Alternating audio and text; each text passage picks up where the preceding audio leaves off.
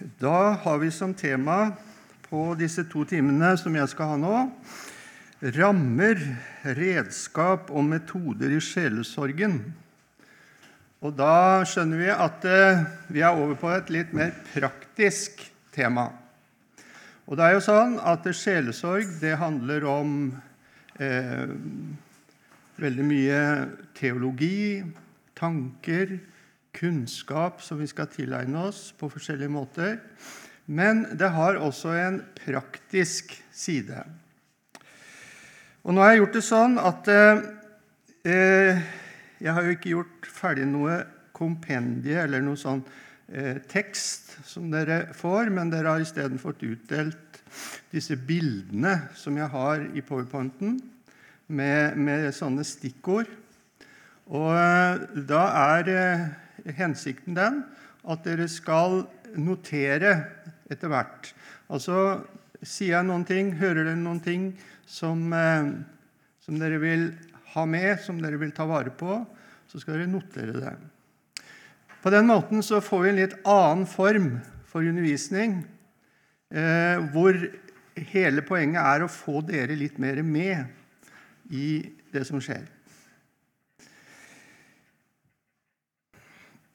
Jeg skal begynne med et, eh, et eh, bibelvers.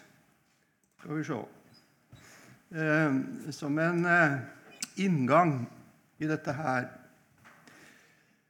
Herrens lov er fullkommen. Den styrker sjelen. Herrens vitnesbyrd er trofast. Det gjør den enfoldige vis. Herrens forskrifter er rette. Det gleder hjertet. Herrens bud er rent. Det opplyser øynene. Herrens frykt er ren. Den varer til evig tid. Herrens lover er sanne. De er alle sammen rettferdige. De er mer dyrebare enn gull, fint gull i mengde. De er søtere enn honning, ja, honning som drypper fra vokskakene så ser vi her liksom noe av virkningen, dette hele eh, helbredende, eh, saliggjørende, som vi har i Guds ord. Vel, når vi da skal inn på dette her med rammer, redskap og metoder, så handler det om et ordnet en ordnet sjelesorgtjeneste. Eh, og eh, det jeg tar frem nå, det er ting som jeg har henta fra et av de kursene som jeg har vært med på sjøl, og hvor det var veldig mye som var verdifullt, og på en måte som gjorde at jeg så det jeg hadde gjort før, i lys av dette her. Og så så jeg ja, det var jo sånn jeg skulle gjort. Det var jo det jeg skulle forstått. Det hadde vært bra om jeg hadde sett dette her før. Eh, for da ser jeg det at eh, jeg har gjort så mange ting feil opp gjennom tida. Eh, og fordi ting har vært gjort feil, så har det også gjort at hele denne sjelesorgprosessen den ble enten avbrutt eller så kunne den også bli ødelagt, eller så kunne den bli helt feil. Eh, og Du kan komme i situasjoner som, som er på, på, mange måter veldig farlige, alvorlige, kan få store konsekvenser nettopp fordi man gjør noen ting feil. Eh, som, som, som går på sånne ting som vi skal se litt på nå. Praktiske rammer i sjelesorgen. Og eh, da handler det om et, et arbeid. Sjelesorg som et arbeid. Som en tjeneste. Ikke som noe tilfeldig. Liksom, det er bare noe du dumper uti, og eh, eh, og så er det noe som du liksom bare får en sånn spontan berøring med. Men her snakker vi mye mer, eller her snakker vi ikke bare mye mer, men her snakker vi om eh, noe som er en tjeneste, noe varig, noe som eh, tar tid. Og det er noe vi skal være innstilt på, dette her. Det er veldig viktig. Vi må ikke tro det at alt løser seg veldig fort og enkelt. Dessverre så er det jo sånn at veldig mange som eh, kommer og oppsøker en sjelsorger, de forventer det, at dette skal gå raskt. Vi skal ta en prat, og så skal vi gå lykkelige og problemfrie fra det eh, sånn med en gang. Og Vi kan jo også oppleve at det nærmest ligger et press på oss for å oppfylle en sånn forventning.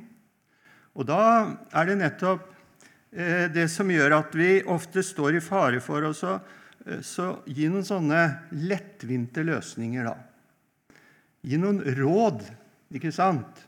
Vi bare, vi bare eh, kommer med noen sånne gode råd som vi, sy syns er gode råd. da. Som eh, egentlig ikke er noe løsning eller noe varig hjelp. Men så kan de jo føle at de har fått hjelp, da. For de fikk et råd som de skulle følge. Og så tenkte de også kanskje at dette her skal jo forandre alt. Ja, for det første Når vi møter et menneske til sjelesorg, så er det veldig viktig at eh, denne personen opplever trygghet. Og det fra første øyeblikk. Idet vi møtes, så eh, skal vi kunne eh, på en måte være bevisst på det. At det, er ting som skal være med å skape trygghet. For det første det at eh, vi viser at eh, den personen er velkommen. Eh, det er noe med måten du tar imot på, ikke sant? Du viser vennlighet, åpenhet, og, og, og gir tydelig uttrykk for det. Det er, ikke, det er, ikke, sånn, ikke sant? Ja, du får komme inn og så slenge deg ned. Ikke sant? Det er ikke den derre. Men, men, det at du viser at det, du bryr deg om denne personen som kommer. Og at du gir og viser at det som eh, nå, du nå skal være med på, og det at du har tatt imot denne personen, sagt ja til en samtale, det er noe, det er ikke en byrde for deg. Og det er noe vi faktisk utstråler i måten vi møter et menneske på. Dette her. At det, hele vår måte å være på viser dette her er ikke noe jeg gjør bare fordi at jeg må, men dette her er noe jeg gjør fordi jeg bryr meg om deg. Og, og da er det klart det at Hvis vi skal kunne ha denne, måten, eh, denne innstillingen og, og innfallsvinkelen til det å være sjelsørger, så må vi også eh, innrette hele livet vårt etter det. Hvis dette her er noe vi skal liksom ta innimellom mens vi har masse annet å drive med, så får vi ikke nettopp dette her. Da blir det sånn at åh, har jeg tid til dette her? Orker jeg det? Det var, det var liksom veldig upassende. Sånn skal det ikke være. Altså, vi viser at det er tid og plass for den som kommer til samtale. Så skal vi også si litt om rommet der vi møtes. Det er heller ikke uvesentlig. Fordi at rommet gir signaler til konfidenten. Når jeg bruker dette ordet 'konfident', så er jo det et ord som man bruker i denne sammenhengen om personen som kommer til samtale. Stedet, vi, vi, sier ikke 'pasient' eller noen sånne ting, men vi sier 'konfident', fordi det handler om samtale og sjelsorg. Altså hvordan det ser ut der vi tar imot en person. Ja, har det noe å si, da? Ja Skal vi se Hva slags rom er det vi tar imot i? Eh, hva brukes dette rommet til ellers? Eh, skal vi ta imot dem på et kontor hvor vi har altså skrivepulten vår full av papirer og, og bøker og PC-en og hele denne her tingen som vi bruker å ha når vi jobber. Med en gang en person kommer inn her, så tenker han oi, her er det en som har mye å gjøre. Ikke sant? Og så får han med en gang en sånn dårlig samvittighet. Jeg er bare til, til bry. Jeg er bare til å oppholde. Og så har det faktisk også noe å si hvordan kommer vi dit, til dette rommet? Altså, hvor ligger dette rommet? Er det sånn at du skal gå gjennom en lang og smal korridor før du kommer dit hvor vi skal samtale? Det er ikke noen god løsning, fordi at veldig mange som kommer til samtale, de er engstelige. De har det vanskelig og vondt. og liksom Det å skulle gå den veien der, det kan virke skremmende. Så, så, så fører det til at det aldri mer. Vi skal tenke på det, at det skal være åpent og innbydende der hvor vi skal møte et menneske til samtale. Og Det har også noe å si med innredning. Nå nevnte jeg dette her med skrivebordet fullt av saker og ting. Men hvordan skal vi innrede et rom hvor vi skal ha sjelesorgsamtale? Da er det veldig viktig med det at vi innreder sånn at vi kan plassere oss på en god måte i forhold til hverandre. Det er veldig bra med et bord, sånn at vi kan sitte på hver vår side av bordet. Og det er jo ekstra viktig eh, når eh, to av forskjellige kjønn, altså en mannlig sjelesørger, skal ta imot en kvinne. Så er det veldig viktig, altså. Vi skal ikke sitte i en sofa ved siden av hverandre i sjelesorg. Det er helt feil.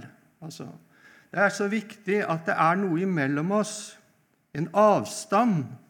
Og så er det veldig viktig at det også er sånn at, det, at vi har muligheten til å se på den som vi snakker med. fordi det er jo ikke bare det han sier, men det er jo også uttrykk, hele måten å være på, som vi også skal observere.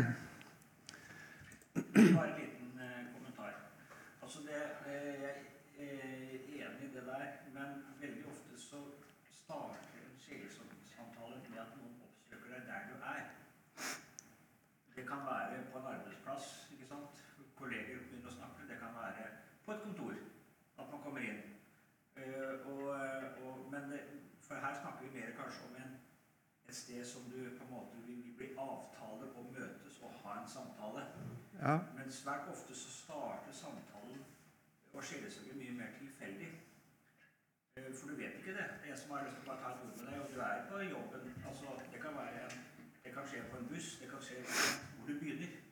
Eh, men, eh, men, men, så det er ikke alltid du kan, du kan forberede det. Nei, jeg er enig i det, men allikevel har jeg lært en ting som jeg tror er veldig viktig. Hvis jeg blir kontakta eh, eh, sånn private eller, la oss si, si, på arbeidsplassen eller, eller, ute Du møter et menneske, og så, og så kan jeg få prate litt med deg. Ja, men da sier jeg det. Ja, det vil jeg gjerne. Men den praten kan vi ikke ta her og nå. Men vi kan avtale en samtale. Det er veldig viktig at du med en gang gir et signal av om at dette her er noe seriøst. Dette her er noe vi, vi skal gjøre på en ordentlig måte. Eh, jeg har brent meg mange ganger på akkurat den der, og der fordi at det, da havner vi så lett i en situasjon hvor du skal eh, på en måte ha et sånt vennskapsforhold til den du skal snakke med i stedet for at du på en måte skal være en som er profesjonell i forhold til den du skal prate med.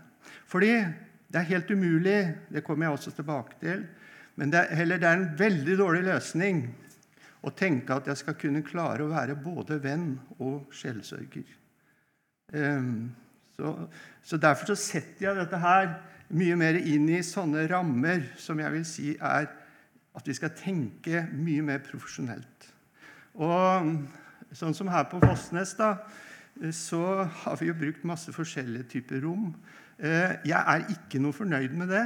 Fordi jeg mener at på en bibelskole så burde vi hatt et rom som vi hadde satt av og innreda spesielt til det formålet.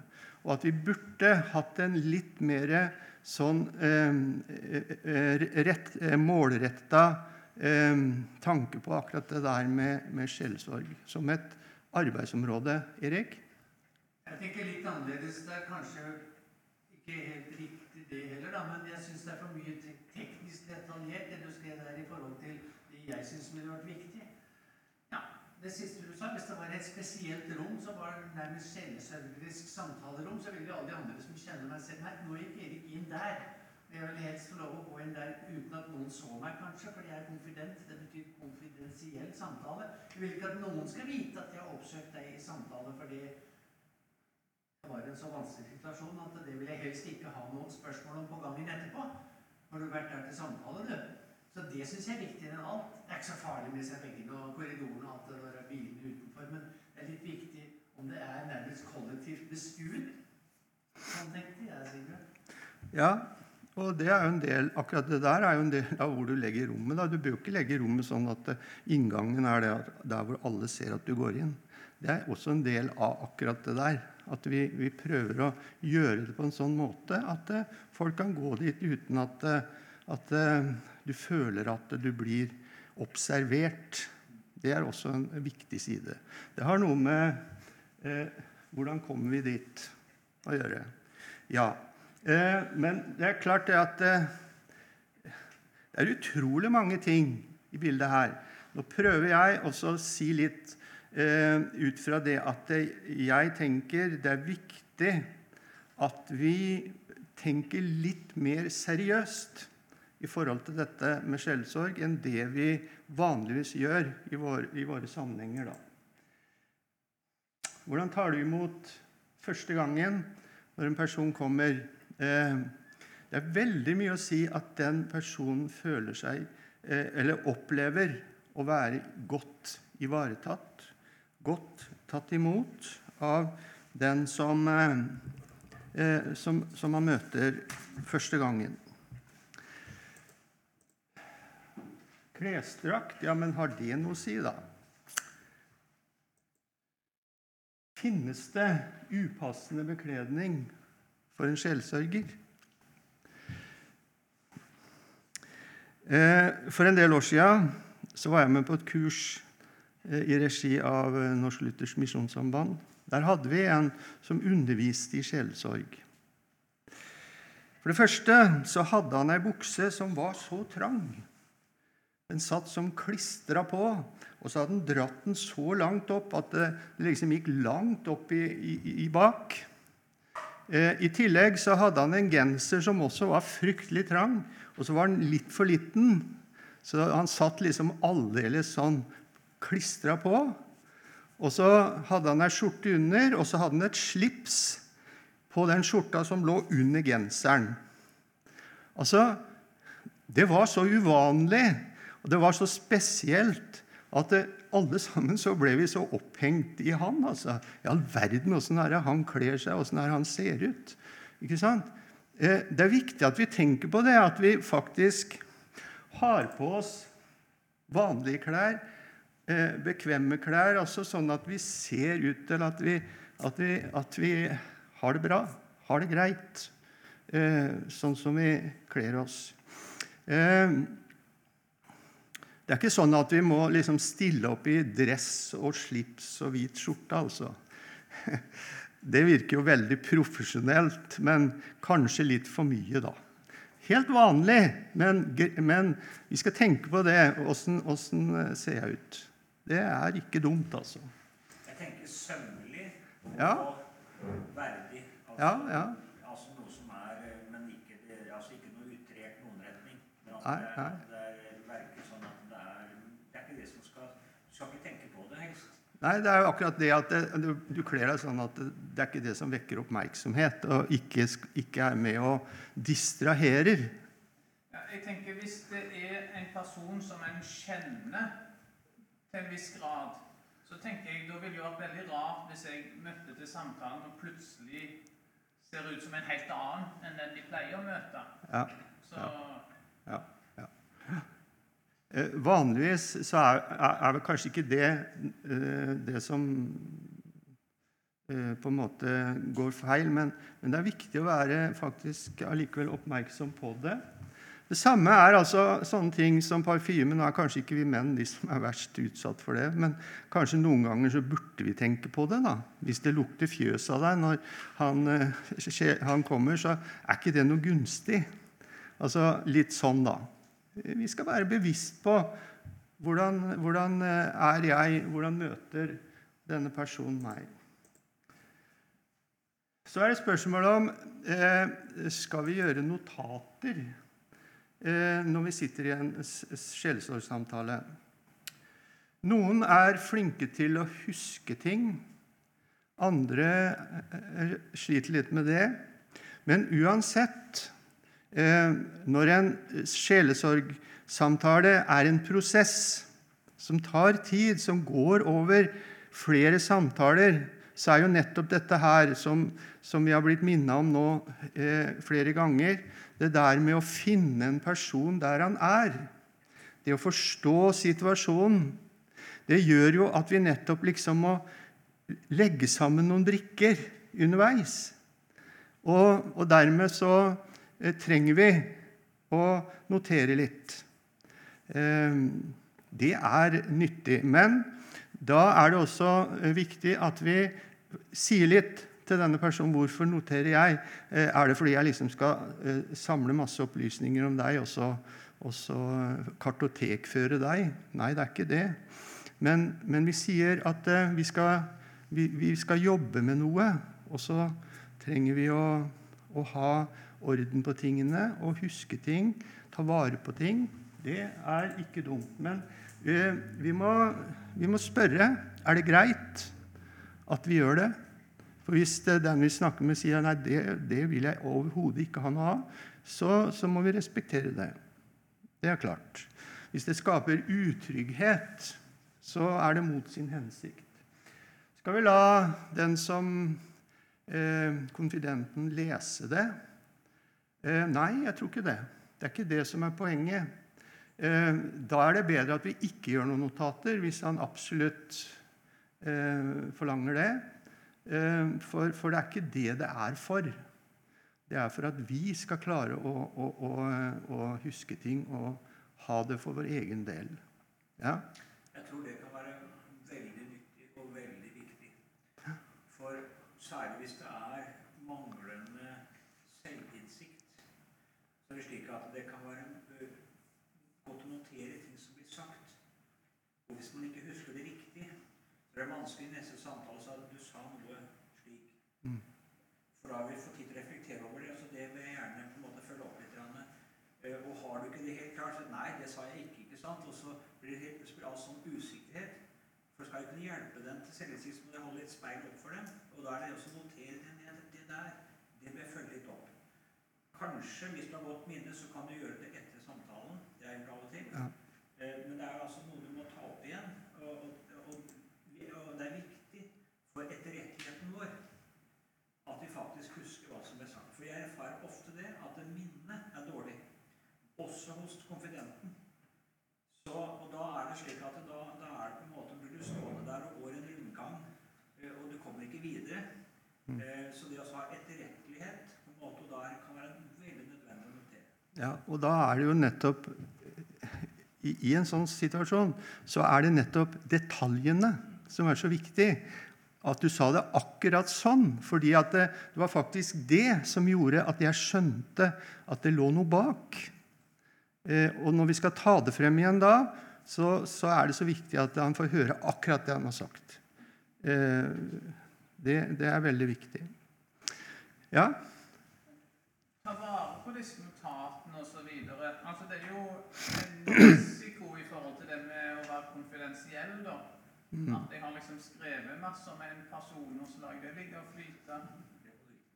Nei, altså det, det bør vi rett og slett destruere når prosessen er ferdig. Det er ikke noe jeg skal ha liggende som en sånt manuskript som jeg kan liksom hente fram seinere. Det er der og da til den prosessen.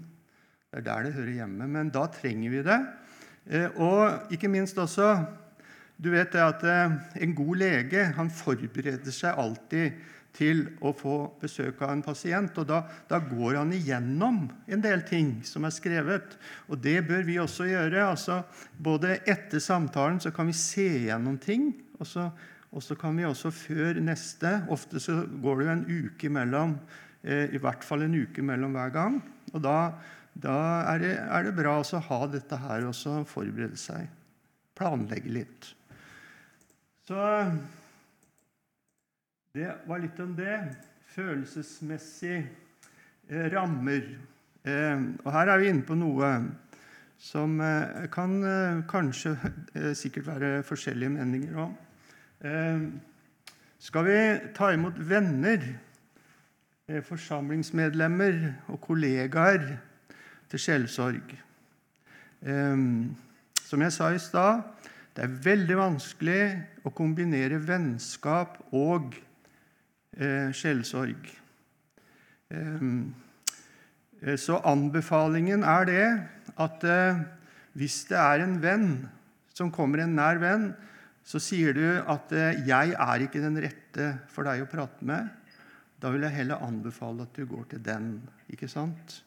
Fordi når vi er venner, så vil det påvirke så voldsomt måten vi Eh, forholder oss til den personen på. Vi klarer ikke å være så objektive og så bestemte og så avgjorte som vi burde være. Eh, det blir for mye sånn følelser eh, innblanda i dette her. Og det er sånne ting som, som vi ikke tenker på i utgangspunktet. Jeg har gjort fryktelig mye feil på det området der. Ja. ja jeg tror det er viktig det, for nå, eh, nå snakker vi på en måte om en, eh, på en, måte en profesjonell og en litt varig sjelesorg. Mm. Eh, at en kollega, en venn, en i forsamling kommer du, vil jeg snakke med deg om noe. Sier nei, det, det, kan vi. Den samtalen kan vi ta. Men så skjønner vi det. At her kommer det opp noen ting. Her er det tema, her er det noen ting. Nei. Det skal ikke vi snakke om. Mm. Eh, det, for da blir jeg sånn at her er det for tett. Her er det sånne ting. Og si at du bør jeg tror du skal snakke med men, men, vi skal ikke si nei til den første samtalen. For det kan være noe helt praktisk. Være helt, også sånn, men, men, men, så skjønner vi at dette er tema. Dette er, her, er, her er nærheten for stor. Og så, så det er helt enig. Det tror jeg er viktig. Ja, og det er jo nettopp det. Den første samtalen er jo ofte den som avklarer. Ja. Og den skal vi ikke si nei til, men det er da vi skjønner at enten så, så eh, kan jeg eh, på en måte hjelpe der og da, eller så skjønner vi at dette her trenger å, å gå videre. Dette, er, dette her er en prosess, og det er noe annet. Og det er det jeg prater litt om nå. altså. Fordi jeg mener at i veldig mange tilfeller så er behovet en prosess, og ikke bare en prat, altså. Det, eh, så det, det, ligger til grunn. Det beste er altså å ha bare én rolle om gangen i, i, i dette her. Og eh, det viktigste er jo ikke, ikke, egentlig meg, men det viktigste er hele tiden konfidenten. At han opplever dette her som trygt, som, som eh, noe han kan stole på. Og da har det veldig mye nettopp å gjøre med det der med eh, å møte noe som oppleves som profesjonelt, altså noe som, som, man skjønner Her er det noe som eh, ikke bare er på tilfeldigheter.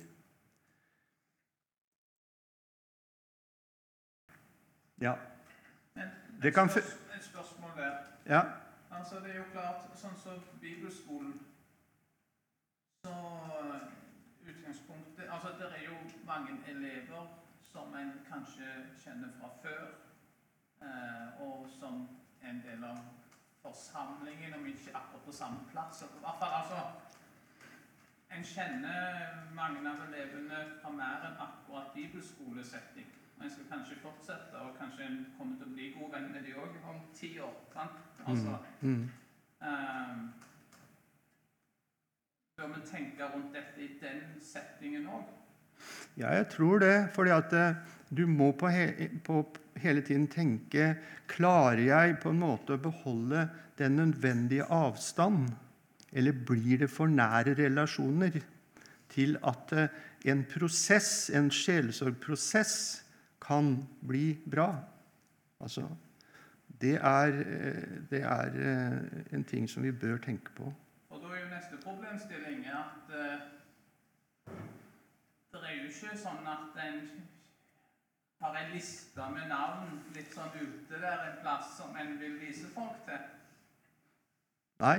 eh, Jeg tenker at det er noe vi bør tenke på når, vi, når vi eh, Hvis vi begynner å på en måte skal legge til rette og Ja, hvordan skal vi gjøre dette her rent praktisk? Ja.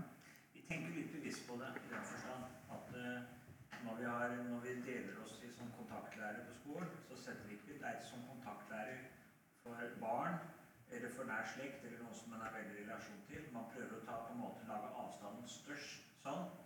Eh, og det tror jeg normalt sett eh, på et skoleår sånn, i løpet av skoleåret, er avstanden stor nok. Men så vil det kanskje være slik at eh, en, en, Og jeg tror nok det at det er få elever, kanskje noen, får et såpass nær relasjon til på ulike måter at det vil være unaturlig. Vil si at jeg tror du skal ta det med en annen av lærerne, eller kanskje en utenfor. Men, men eh, det er kanskje mye mer kollegialt i forsamlingen eller sånt. Eh, elever er innom et år, og det blir ikke Jeg tror det ikke er det store problemet. Men, men det er mer med Og der prøver vi å tenke litt på det.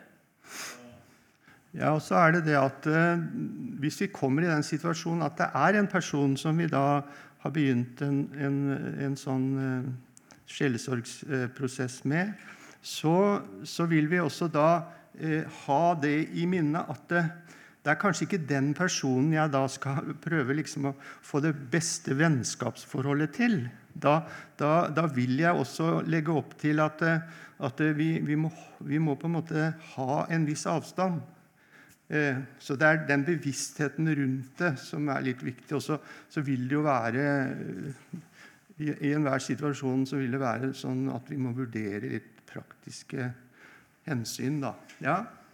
Jeg tenker på det nå, at nå sitter vi og snakker sammen og delvis litt for lange spørsmål og innlegg, og så sitter halvparten av de som er med hjemme. De hører ikke fra salen. Hvis vi ikke snakker veldig høyt, de tror jeg oppleves hakkete nå. Ja. Hva gjør vi med det? jeg, jeg har skrevet litt om hva samtalen går ut på. Ja, ja. Ja, så jeg, jeg, jeg chatter litt samtidig. Ja. Så det sitter man ser, ja. Nei, de hører. Altså, de, de, de som er inne på Teams, får det med seg. Ja. Ved nære forhold så, så kan det jo også føre til at vi får informasjon som kommer til å påvirke oss. Vi blir litt sånn forutinntatte da. Det er jo også en, en fare i, i denne sammenhengen. her, fordi det er jo det vi ikke, ikke skal være. Fordi at vi, vi skal stille på en måte med blanke ark overfor den personen. Og så er det jo nettopp dette her med denne lytteprosessen som skal være med å gi oss den informasjonen som, som vi trenger i denne her. Så har vi noen fallgruber eh, som vi som sjelesørgere kan komme til å, å falle i. Og de er, ligger veldig sånn snublende nær, altså. Fordi jeg er kristen, så må jeg stille opp da eh, til alle tider og være tilgjengelig eh, på alle måter. Det, det er liksom det, det å sette noen grenser eh, det blir liksom, da, da er vi inne på dette her med dårlig samvittighet og alt det greiene der. altså. Vi føler at vi ikke, strekker eller at vi ikke er nok imøtekommende. Og i, i, eh, i vår tid da, så, så er en av de tingene som, som eh, kan være veldig vanskelig, det er det at eh, konfidenten sender meldinger. Altså, Det der med melding det er blitt så vanlig og så enkelt, ikke sant? Og så kan du oppleve at du får meldinger til alle tider, altså. Og de kommer i mengdevis i perioder, sånn at eh, du føler hele tida at ja, selvfølgelig, du må ta imot meldinger, du må svare på meldinger, du må være tilgjengelig. Det er helt feil, altså.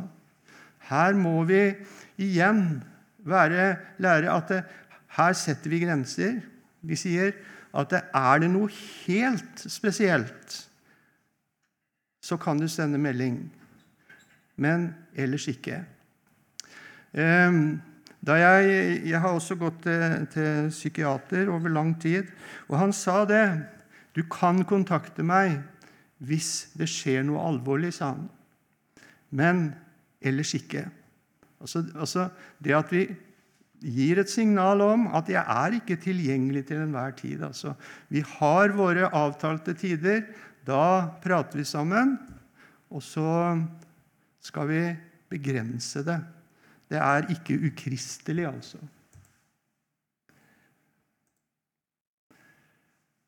Også det at vi liksom opp, at vi får denne oppfatningen at det, er jeg som liksom må finne alle løsninger, og jeg må være flink nok og god nok og, og, og få til dette her. Og liksom alt hviler på meg.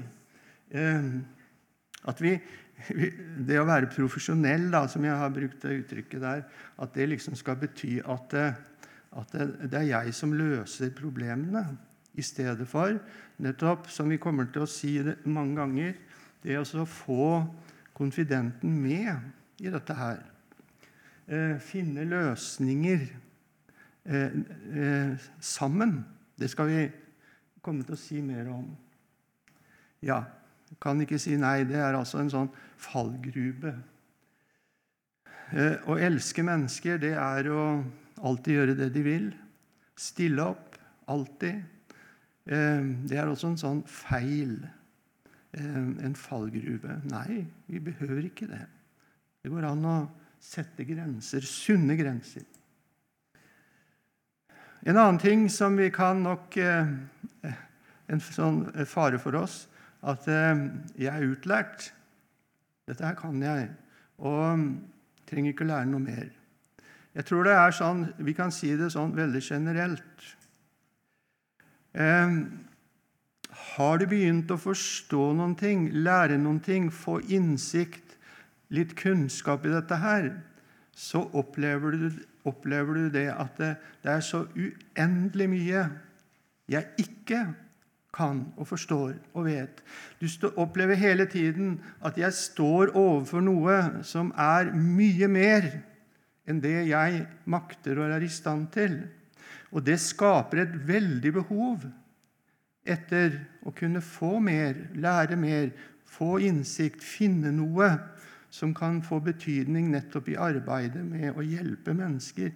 For poenget er jo ikke det at jeg skal klare liksom rollen min, men poenget er jo det at det, er noen mennesker som trenger hjelp. Det skal bety noe for dem. Og da står vi overfor noe som vi aldri blir utlært i. Det er de som eh, egentlig ikke forstår noen ting, som syns de er utlært. Sånn er det på de fleste områder. Ja, vi trenger mer undervisning. Og vi trenger selv sjelesorg. For det å være menneske det betyr jo nettopp det at jeg også har det vanskelig. Jeg også kan kjøre meg fast. Jeg også kan havne i åndelig mørke. Eh, det å opptre som en som liksom har kontroll på alt, det er jo ikke det som skaper eh, sanne mennesker og sjelsørgere.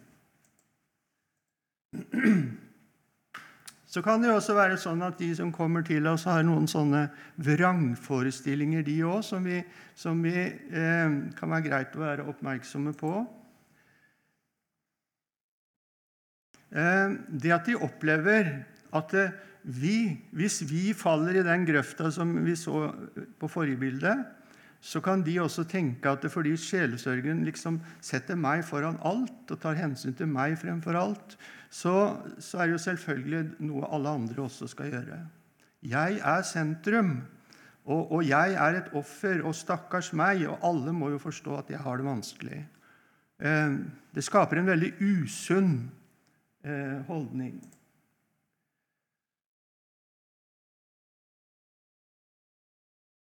Ja, nå sa jeg litt feil, faktisk. Jeg kommenterte den Jeg fulgte ikke helt med. Beklager.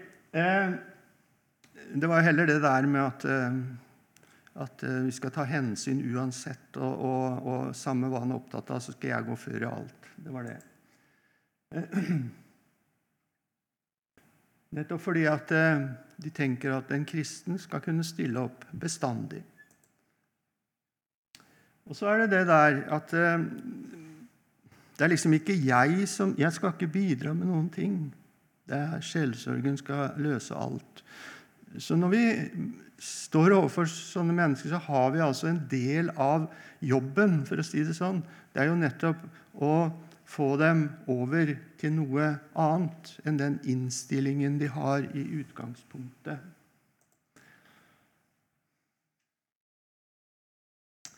Og Vi skal også eh, konfrontere dem med det at, eh, at de kan ikke oppføre seg akkurat sånn som de sjøl vil. Altså, de har et ansvar, de òg, i forhold til eh, det å beherske seg, i forhold til det å, å Hvordan de også opptrer. Vi skal liksom ikke for å bruke det uttrykket, vi skal ikke finne oss i alt. Det er ikke sånn vi skal se på det. Så er det det med kjønn. Eh, skal vi være i et rom alene sammen med en person av andre kjønn? Eh, ofte så kan vi da tenke en mann eh, og en kvinne. Vi var inne på det i går, og det er jo akkurat de tingene der. Vi kan det, men da er det jo hvordan det skjer. Ikke sant? Altså et rom hvor to, en mann og en kvinne, møtes, det skal være sånn at det ikke er noen muligheter for at det kan skje noe usømmelig eller noe galt. Og ikke bare det. Det, det må også være sånn at det ikke kan komme noen beskyldninger etterpå om at det har skjedd noe sånt. Um, ofte Jeg skal bare si ferdig setningen. Eh, det er viktig at det på en eller annen måte kan være en mulighet for at andre kan se inn, uten at, det, at de kan følge med, men sånn at det, det, ligger i det at her kan vi ikke holde på med hva som helst. Her, her skal det være synlig. Det kan være at døra står litt på gløtt, hvis det, hvis det er, eller så er det et vindu med en gardin, men sånn at, at eh, det er muligheter for innsyn. For dermed så, så, så, så, ligger det altså til rette at her driver vi ikke på med noe hemmelig, noe upassende. Og um, her er det eh, igjen viktig at vi på en måte ser litt sånn på det profesjonelt. Det er farlig å møtes hjemme hos konfidenten. Selv om det ikke på noen måte legges opp til noe som skulle være galt, så er det allikevel sånn at mulighetene er der. Og bare det er veldig, veldig eh, skadelig, farlig. Eh, nettopp fordi at da kan det komme beskyldninger etterpå. Og, og det, vi må aldri finne på å sette oss ved siden av eh, en med annet kjønn i en sofa, f.eks., i sjelsorg og, og da er, ligger fristelsen så nær, ikke sant? uten at det er noe sånn seksuelt inne i bildet. Så allikevel du syns så synd på denne personen, og så vil du liksom legge armen litt rundt og 'Stakkars deg, jeg skjønner at du har det vondt og vanskelig.' Da er du helt over grensa, altså. Det er så viktig med den avstanden og med disse klare grensene eh, mellom, mellom, to av samme kjønn. Ja? Ja, prøv å snakke høyt. Altså, Dette er veldig viktig. Erfaringen eh, og historikken forteller at dette har gått galt mange ganger. Eh, og eh, jeg tror at det er veldig bevissthet å sette grenser her. Og, og det er vanskelig på en måte å ha et, et helt spesialisert rom alltid. Men at man har det, at her kan noen komme inn, her kan det ses inn, og alle begge vet det. At her kan det plutselig en komme og banke på døra, eller bare, bare gå inn. Eh, fordi det er vant ja, At det er et sånn type rom som ikke innleder Selv om du gjør alt dette, si det, så tror jeg nok ikke du kan unngå Og derfor skal du også være klar over det at rammene sikrer ikke at ikke det skjer overtramp. Så man også være bevisst i måten man opptrer på. For dessverre er det nok mange som har hatt rammene og allikevel tråkka over. Eh, slik at, Men allikevel så skal vi ha rammer. Vi er også bevisst på hvordan vi opptrer der inne, selv når ingen ser. Ja, hva, hva, tenker du på? Kan du ta noe sånt? Ja, er det at selv om jeg har laga de beste rammer, ja. uh, og, og, man på en måte prøver det, så er det slik at, at så sier historien nå at profesjonelle også, som har så, så, så skjer det noe. Blant annet så konfidenten oppsøker for å ønske å få trøst, og, og, og, og så setter man ikke grensene igjen i sjølve behandlingssituasjonen. Ja, ja, at det for eksempel... Selv om rammene ytrer sett og er liksom lagt opp til det, den har vært seg det bevisst så det, det, er noe som du aldri kan ha nok i mente, dette her. Ja. Eh, jeg, var, jeg har vært på en annen skole, og det var slik at det gikk tilsyn, og så var det slik at en, alltid så sto jeg bare i døra, natten. Gikk aldri inn i rommet. Sto alltid i døra, med åpen dør, og samtalte. Og hadde gjort det kanskje en kveld. Ei jente som ville samtale. Jeg ringte hjem til Marit da jeg var ferdig. Jeg sa ikke hvem jeg snakket med. jeg sa at jeg har vært på tilsyn. Det kunne jo fort komme en eller annen misforståelse likevel. Så jeg ville være, ha dette veldig åpent og snakket med Marit. Hun visste at jeg hadde vært tilsyns. Og så ikke hun skulle få det. ikke sant? At han, mannen din han, han går ut og snakker på jentenatt om kvelden. Han. Og er veldig interessert i det. Mm. Altså Det skjønner poenget av å være litt i forkant og tenke at det kan komme med beskyldninger ut av det blå. Noe som vil gjøre, vil ha imot deg, og som kan gjøre det. Mm. Eh, og det kan også være faktisk en som du har hatt en samtale med, som ikke er fornøyd med svaret, og så setter ut altså, Det er så mange ting som har skjedd her, mm. at her skal du tenke deg veldig nøye om. Ja. Altså om grensene og den åpenhet man også har knytta til skillesorg. Ikke fortelle hvem, men har man sittet i tre timer og samtalt med en menneske, alt rent og ordentlig, ja, fortell det til ektefellen. Slik at det på en måte ikke det kommer som Oi, det har han ikke fortalt. ikke sånn. Vi skal være konfidensielle, vi skal ha taushetsplikt, men vi kan fortelle hva vi har gjort. Ja, det er bare noen sånne råd. Ja. Nei, jeg tror det at eh, det er veldig viktig å få understreket det der skikkelig. At her kan vi egentlig ikke få vært for forsiktige. Altså, ja, det er litt å ta i, men, men her er det viktig at vi er veldig bevisst. Altså. Ja, Erik? Stikkordet mitt er intimitetsavstanden er i ferd med å rives ned. De unge de har en klemmekultur som er helt syk, også i kristen sammenheng. Kristne lærere på folkehøyskoler og bibelskoler går jo helt berserk enkelte ganger. Ikke her, men jeg ser det i mange gode kristne miljøer. Så går de altfor langt. Jeg har sagt det mange ganger til unge kristne mennesker når dere blir kjærester så sett dem litt langt fra hverandre på møter og i kristelig sammenheng. Vi kan eh, passe på at det er god mulighet til å synliggjøre forskjell på den dagen dere ble gift med kjæresten, og den dagen dere var kjærester. Den forskjellen er det veldig vanskelig å finne i dag. Det er en klemming, og, og intimitetsavstanden er så kort. Og den smitter også over på veldig mange. Du vet hvor mange som jeg har sagt ja, jeg klemmer kona, jeg ser det holder. Ja. Takk for nå, så tar jeg det med hånda. Og nei, det var ikke Det var fælt så kald jeg var da. Ja, det holder. Mm. Nei da, det er, eh, det er eh, viktig, det der. Og jeg tenkte bare å si det Altså, alt sånt noe som har med intimitet eh, å gi en klem eller alt det greiene der, det, det hører ikke med i denne prosessen. Altså, Sjøl om det roper inni her altså, at du syns så synd på denne personen, og, og, du skulle liksom gi noe sånn Nei, det hører ikke med da. altså. Det må vi være veldig bestemt på. Og Derfor så er det der med å sitte på hver sin side av bordet og være veldig konsekvent på det Altså Hvis eh, konfidensen reiser seg liksom sånn Nei! Du skal sitte der. Vi må holde denne her. Altså veldig sånn. Ja, Per? Ja, Det er veldig viktig.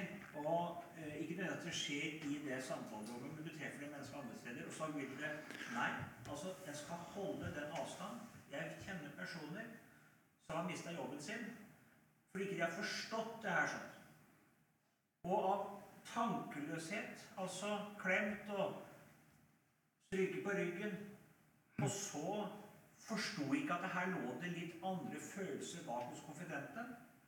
Og når den skjønte at det nå nei, da kommer anmeldelsen om å tråkke over tingrenser og miste Ja, jobben. ja, veldig Selv det er bare tankeløshet, men om en har brutt, en har brutt den relasjonen og gått over og vært uprofesjonell, selv om ikke det ligger et utroskapsmotiv eller noen sånne ting bak, men rett og slett tankeløshet og altfor intim. Ja, og her er det jo vi da, som på en måte har eh, ansvaret og føringen. Altså, Det er vi som skal sette grensene. Men nå er vi egentlig litt på overtid, er vi ikke det?